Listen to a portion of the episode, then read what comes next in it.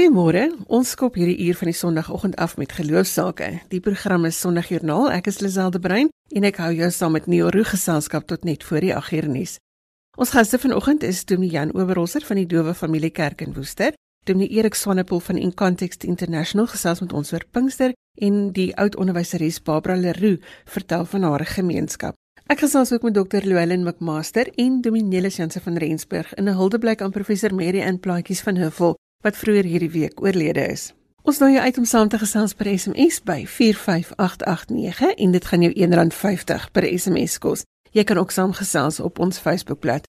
RSG se webadres is rsg.co.za en dit is waar jy al die besonderhede oor ons program en ook die kontakbesonderhede van ons gaste sal kry. Dankie dat jy ons in jou lewe wêreld innooi vanoggend en ek hoop dat ons iewers in jou lewe 'n verskil kan maak. MUZIEK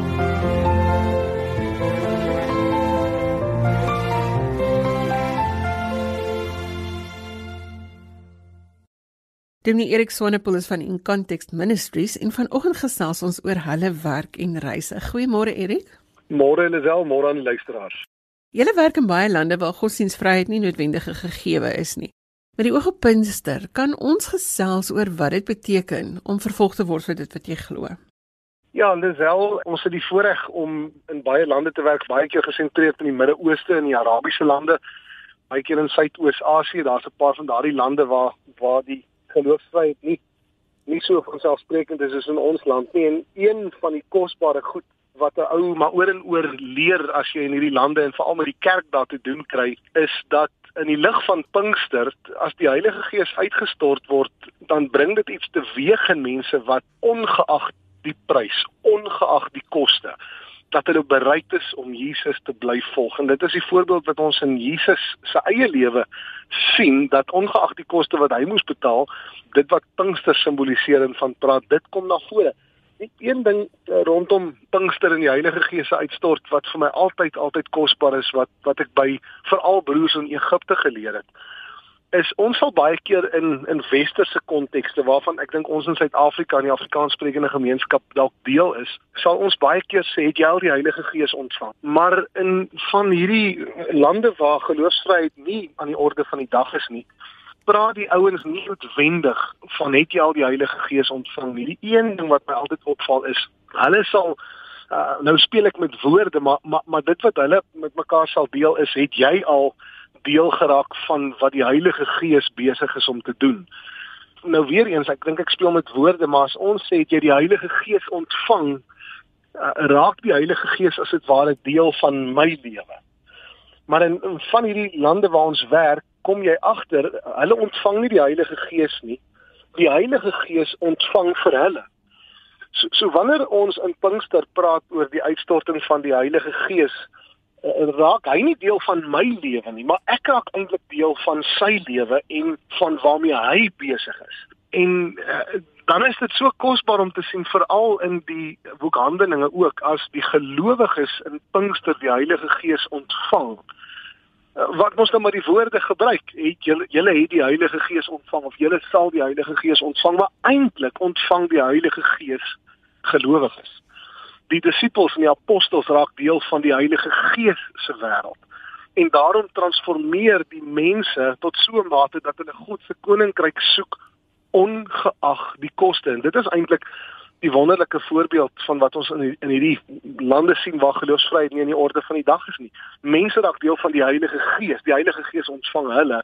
En dan is die twee goed wat altyd vir my vreeslik uitstaan is die uh, onverskrokkenheid om die belangrikheid van dit wat hulle glo om juist dit met mense te deel. En die tweede ding is mededeelsaamheid. As jy in Handelinge kyk, was een van die groot goed as mense deel raak van God se wêreld. As die Heilige Gees mense ontvang en nader trek aan God se koninkryk as dit ware in sy koninkryk en in sy wil in is die verkondiging van die evangelie primêr en ook dan mededeelsaamheid. Hoe mense net eenvoudig omgee En dis eintlik vir my so 'n kosbare ding in in 'n tyd van corona waar so baie mense onder die onder die seisoen waarin ons leef vandag sukkel.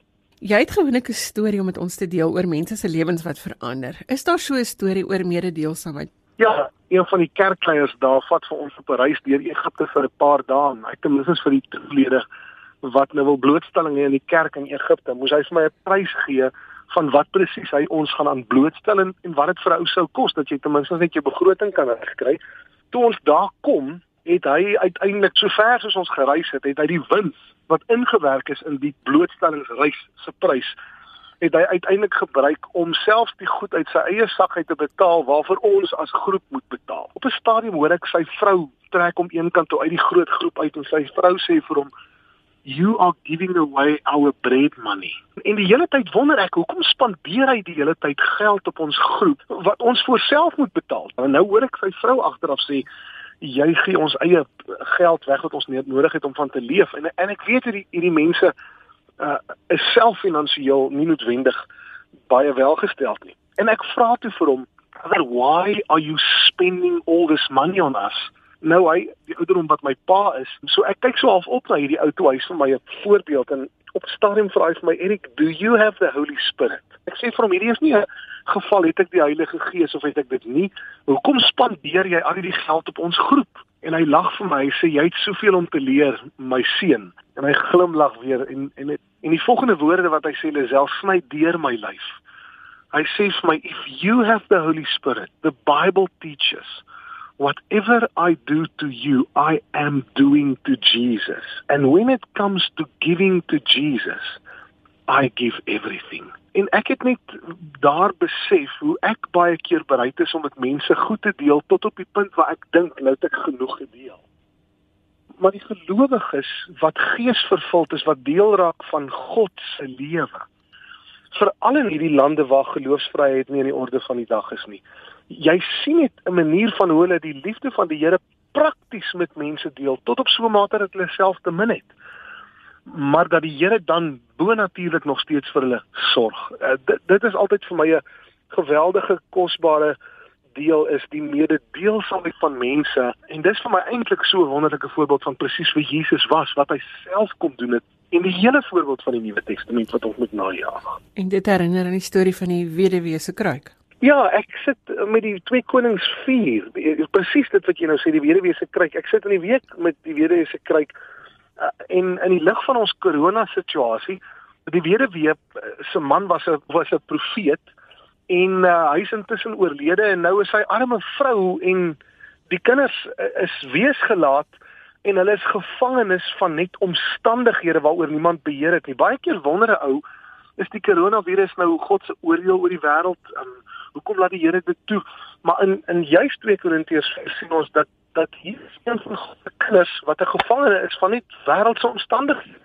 Presies dieselfde dink ek kan ons van die korona sê so baie gelowiges sit nou in moeilikheid nie omdat hulle erns die Here teleurgestel het lewe gooi net hierdie tipe balle na mense toe en die vraag is nie het God van my vergeet nie dit is maar net normale goed wat met gelowiges gebeur en die weduwee van 2 Konings 4 sit presies in daai selfde situasie. Uiteindelik gaan sy na die profeet toe en sy sê vir hom kan jy my op 'n manier help? En dan uiteindelik sê hy vir haar gaan haal al die kruike wat jy kan kry soveel as wat jy wil.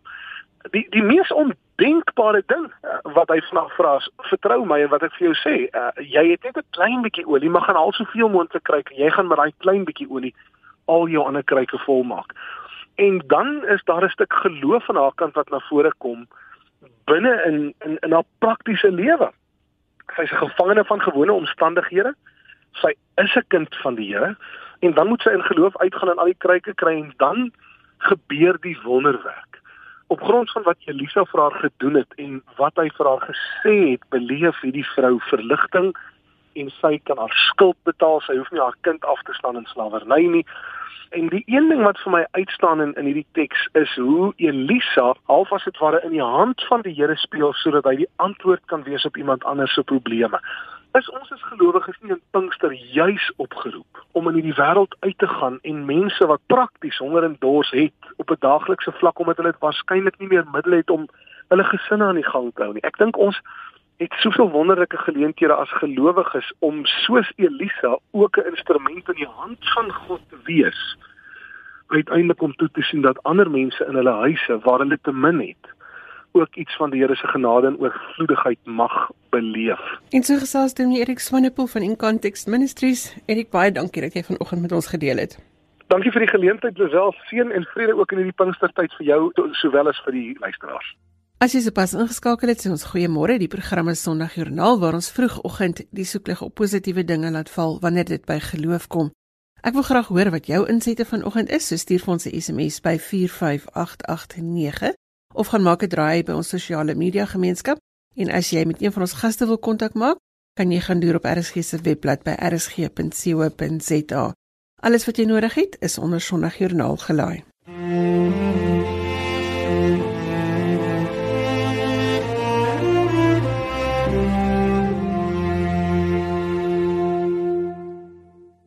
Demian Oberholzer is van die Dowe Familiekerk in Woester en vanoggend gesels ons oor die uitdagings van die Dowe gemeenskap tydens die Grendelstaat. Goeiemôre Jan. Goeiemôre Lisel. Watter uitdagings het dowe persone op die terrein van die Nasionale Instituut vir Dowes in Woester tydens hierdie inperking seker nou veral? Lisel, ek dink die gewone ongemak en uitdagings wat persone wat nie doof is nie ook ervaar, ervaar dowes ook. So in die eerste plek wil ek net daarom sê dat dowes is nie noodwendig uniek in hierdie situasie nie. Maar wat wel uniek is, is hulle kommunikasie uitdagings. En hierdie kommunikasie uitdagings word deur die stelsel of dan nou die samelewing wat dowes in elk geval sukkel om te kommunikeer en met ander mense te kommunikeer net meer uitgelig. Met ander woorde, hulle afsondering, hulle ingrendelstaat wees of soos iemand gesê het, in huiskluis wees maak dat die kommunikasie na buite met ander mense maar ook met ander mense na hulle toe baie groot uitdagings beleef. En ek dink dit aksentueer nou weer hulle fisiese hulle maatskaplike hulle biososiologiese en ook emosionele en geestelike uitdagings. Maak dit dit net meer omdat hulle sukkel om te kommunikeer maak dit dit net meer as mense wat nie gehoor verlies het. En nou is dit nog moeiliker want almal dra maskers, so hulle kan nie lip lees nie. Wel, dit is wat een vir my gesê het. Ek het so kort opnametjie gemaak toe jy my gevra het of ek die uitdagings kan uitlig, toe het ek gedink maar ek sal eerder nie uit my vuis praat nie maar vir hulle stuur en ek het hierdie enetjie gekry Lisel as ek dit vir jou kan lees een sê lockdown met maskers maak van ons as dowe mense afgesny van die buitewêreld af. Ons word soos 'n alien op hierdie planeet. Mense weier om hulle maskers af te haal as ek wil lip lees. Moes papier gebruik het nou dit is om te kommunikeer met ander woorde skryf daarop en daar is mense wat ongeduldig is. En wanneer ek beduie dan beteken dit in elk geval niks want hulle verstaan nie. So wat ek hieruit aflei is dat die persoon sê die wêreldjie van die dowes wat klein is, nou daarmee is dit nie ver, verkleinerend nie, maar dit is net die bepalende kommunikasie vind nie soos normaal plaas met ander dowes nie. Die persoon voel homself as 'n vreemdeling. Die persone wat nie hulle maskers wil afhaal nie is as gevolg van die reëls. Maar hierdie persoon sê al skryf ek, is die persone nog ongeduldig. En al beduie ek nou beduie is sekerlik gebaretaal wat vir die dowe aanvaarbaar is, word nie noodwendig deur ander horende mense as gebaretaal gesien nie, dan verstaan hulle nie.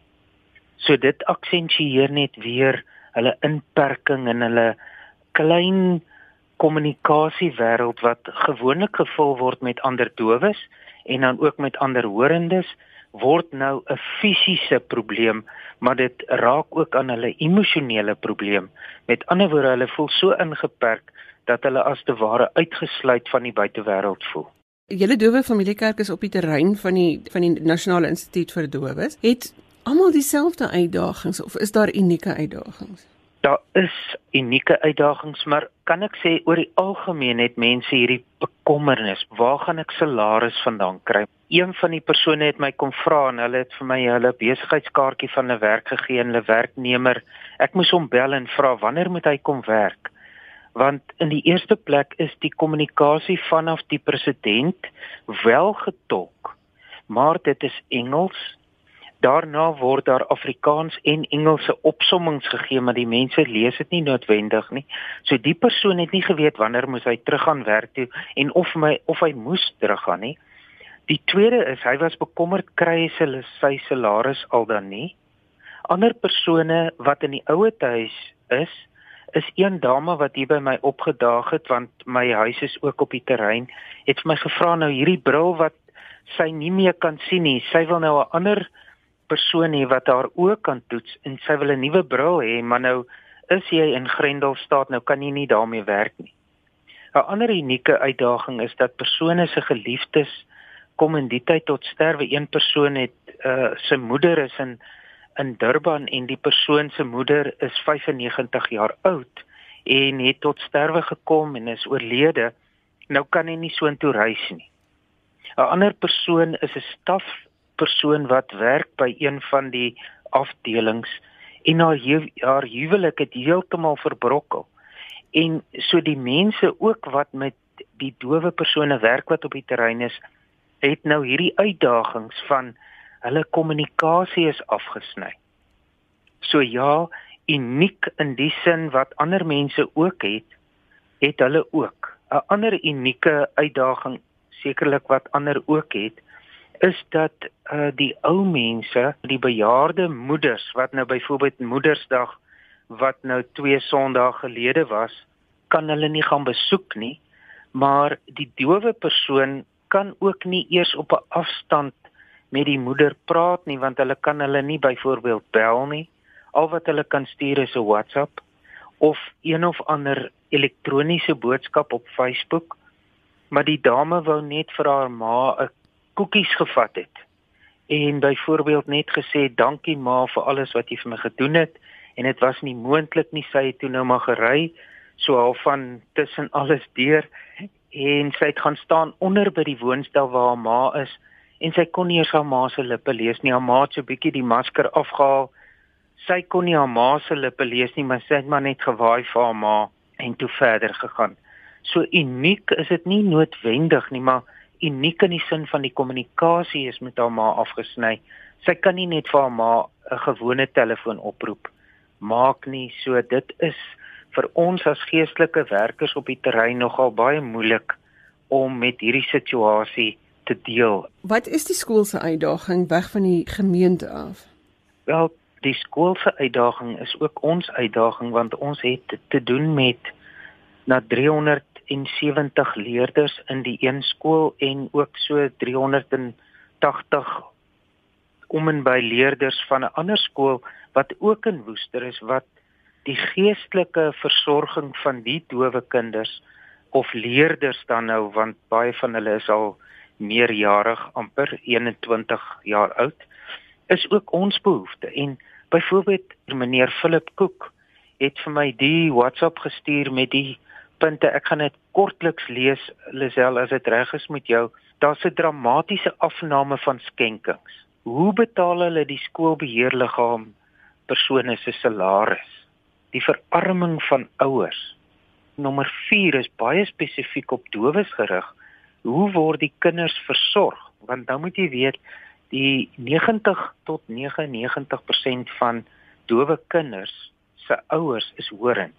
So met ander woorde, die skool praat gebaretaal, waar by die ouerhuis word nie gebaretaal oor die algemeen gepraat nie. Daar is ouers wat gebaretaal magtig is. So die blootstelling. Ons weet nie of die kinders kos het nie. Byvoorbeeld data aan die kinders om hulle huiswerk te doen. Toegang tot inligting is beperk. Byvoorbeeld die heel kleintjies, jy weet, ehm um, Lisel, hier is van die dowe kindertjies van 3 jaar ouderdom is by die skool. Nou daardie kleintjies se begrip van wat aangaan, nou waaroor moet hulle nou by die huis bly? Hulle was by die skool, nou moet hulle weer by die huis bly. Daar's gedragsuitdagings daar's konstruktief uh moet die kinders besig gehou word en hoe hoe werk dit nou? Geestesgesondheid van die onderwysers in hierdie tyd, ook die onderwysers en leerkragte het hulle eie uitdagings rondom die elektroniese beskikbaarmaking van die inligting. Jan in in al hierdie dinge is daar sekerlik geloofstories wat ook vir jou uitgestaan het. Dis al dit is vir my natuurlik baie wonderlik.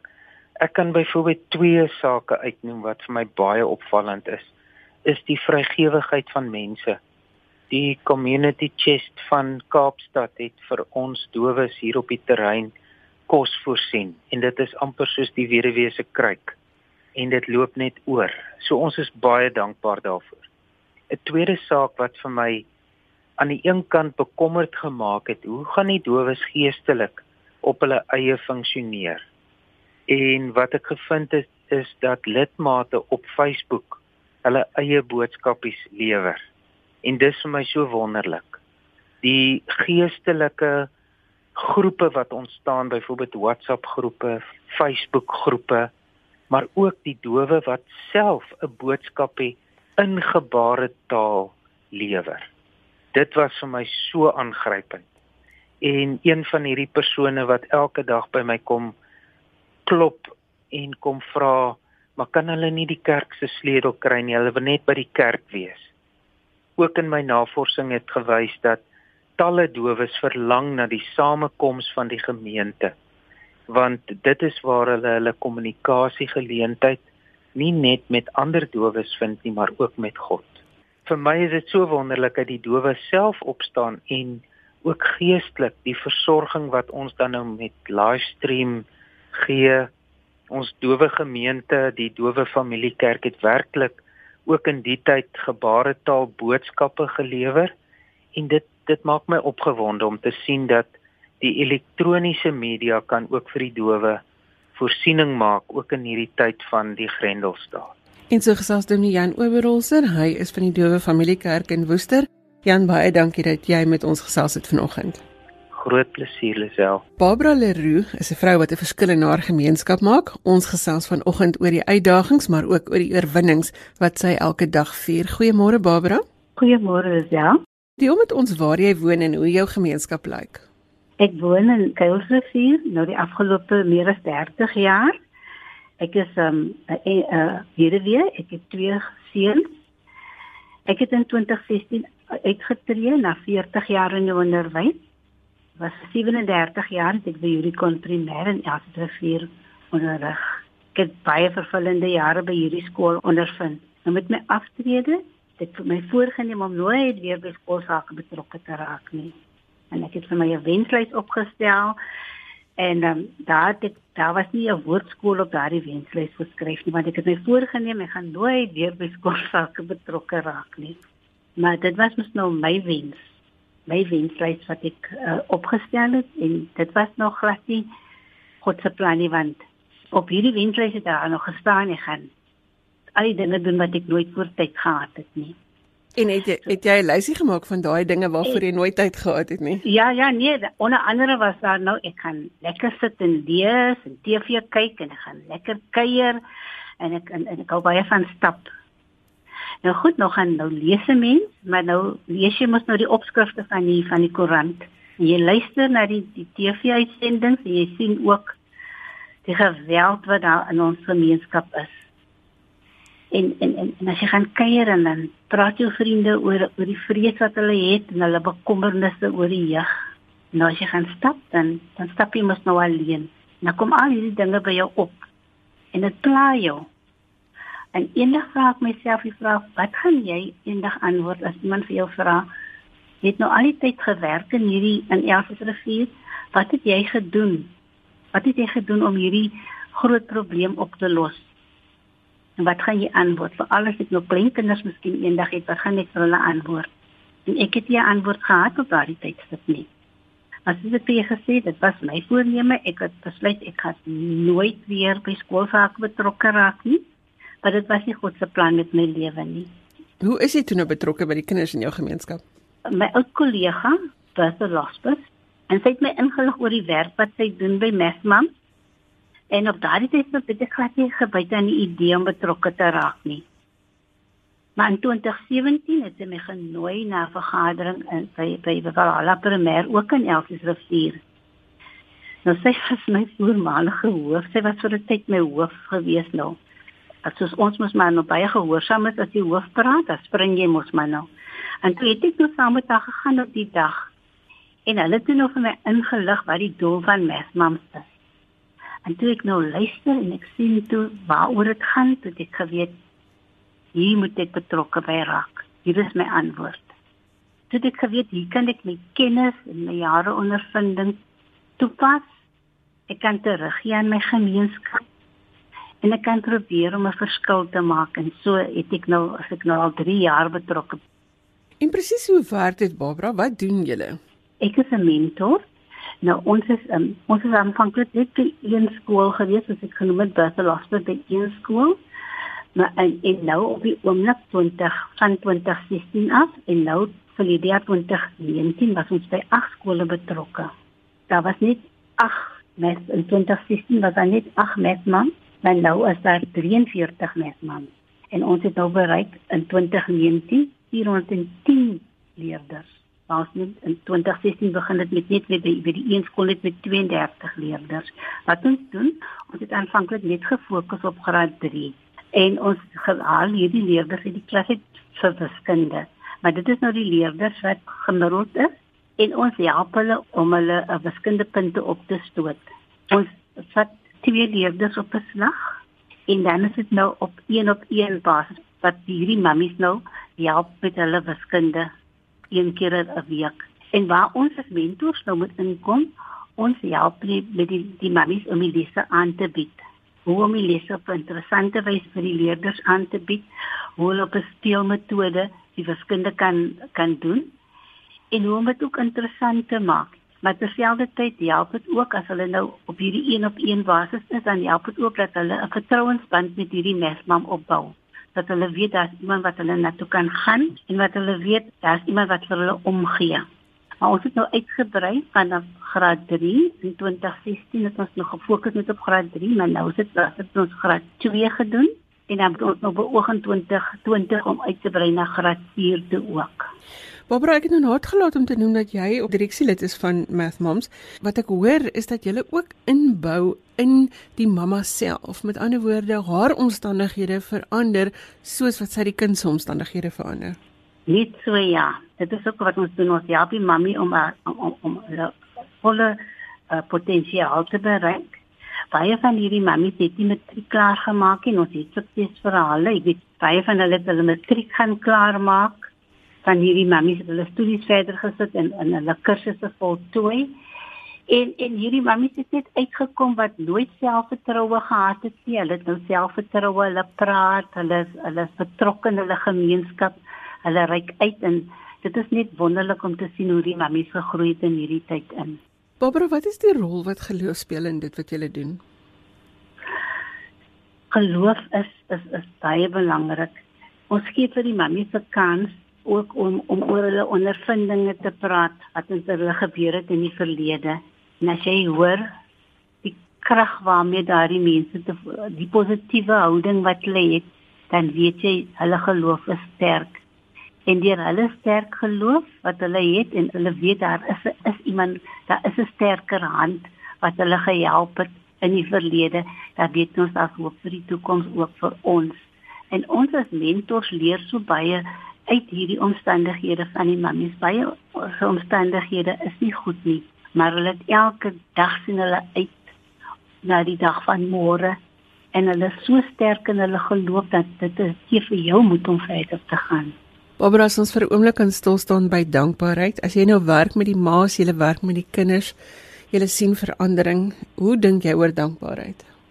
Ek wil nog vol Bosman se woorde aan nou lewe is om dankbaar te wees vir lig en vir die liefde en vir die warmte en vir die teerheid en dit is wat ek kry van my mams. Hulle gee nie net vir die kinders liefde en warmte nie.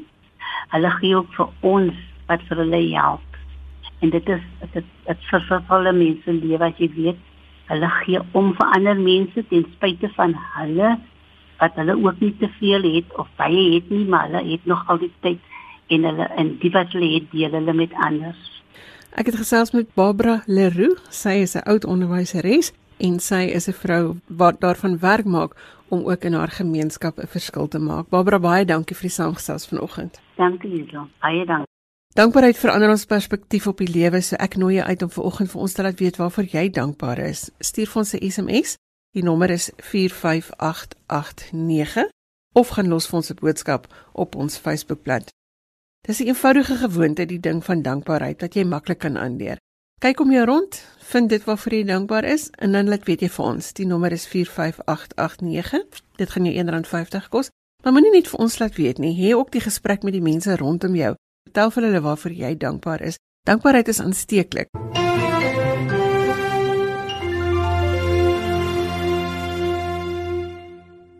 Dr. Llewellyn McMaster is die moderator van die Kaaplandse Sinode van die Verenigde Gereformeerde Kerk in Suid-Afrika en hy was 'n kollega van professor Mary Ann Plaatjes van Huffel en ons gesels met hom oor haar lewe vanoggend. Goeiemôre Dr. McMaster.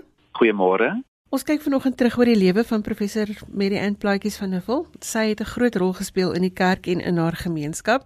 Jy was 'n kollega. Dis reg ja. Mense sukkel nog om Mary Ann se dood te verwerk ehm um, daar was maar die hoop dat sy wel deur hierdie operasie en die uh, pad van herstel sou kom maar ehm uh, dit is 'n geweldige slag vir ons. 'n mens kan self sê dat ons as kerk verpletter is deur die nuus van haar afsterwe. Mary Ann was in baie opsigte 'n uh, pionier 'n baanbreker binne ons kerk. Sy was die eerste vrou in die destydse sendingkerk wat georden is as predikant en het sy in Robertson uh, dan begin. 'n Moeilike tyd vir haar want sy's getroud met 'n predikant wat hier in die Kaap is en vir 26 jaar of wat is hulle geskei van mekaar en weet aangewese daarop om net uh, naweke of maande af daar te sien en deur al daardie stryd het sy gekom en tog deur hardwerkendheid toegewydheid het sy groot hoogtes bereik. As 'n mens dan dink dat as akademikus het sy twee doktorsgrade verwerf, een by Unisa en een by uh Universiteit van Pretoria. Sy was in haar eie woorde en dit is 'n feit, uh was sy een van die min kenners op die gebied van kerkreg en het sy voortgegaan om ook ander predikante maar ook studente met wie sy gewerk het uh, te inspireer om belang te stel in kerkreg en kerkgeskiedenis. Marianne was 'n merkwaardige vrou. Sy was ook die eerste vrou wat aktuaris van ons streekse node uh, geword het, die eerste vrou in die in die VGK wat moderator van die algemene sinode geword het. En dan ook natuurlik akademies uh, die eerste bruin of swart vrou wat volle professor in die fakulteit teologie by Stellenbosch geword het. En uh, in die woorde van uh, Reginel dekaan dit sou vir haar 'n groot jaar wees haar man David sê dat sy al reeds ver gevorder het om te werk aan haar professorale intreerede wat hierdie jaar uh sou plaasvind Mary Ann was passievol maar het altyd ook probeer om die groter prentjie te sien. Ek dink een ding wat ons sal onthou uit die onlangse verlede is by ons laaste streekse node in by Fort Hare in 2018 waar sy gekies was tot actuarius. Maar toe het daar geweldige debat ontstaan oor inklusiwiteit wat 'n stryd is wat nou maar uh, vir meer as 20 jaar, 24 jaar binne ons kerk en veral binne ons streekse node was. En Mary Ann het daar besluit ek staan terug. Ek bedank onmiddellik uit my posisie as aktuarius om die synode kans te gee om 'n tossaspreekende persoon te kies.